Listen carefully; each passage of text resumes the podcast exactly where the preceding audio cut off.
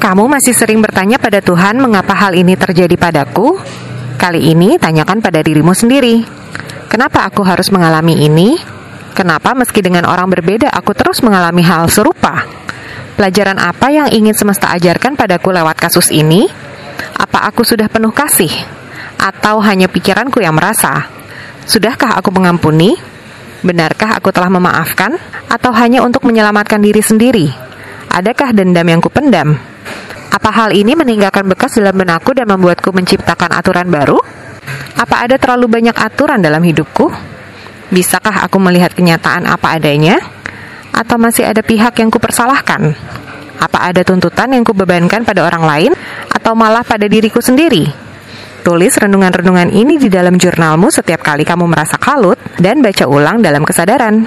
Kamu akan menemukan jawabanmu di sana. Yuk, sembuh yuk!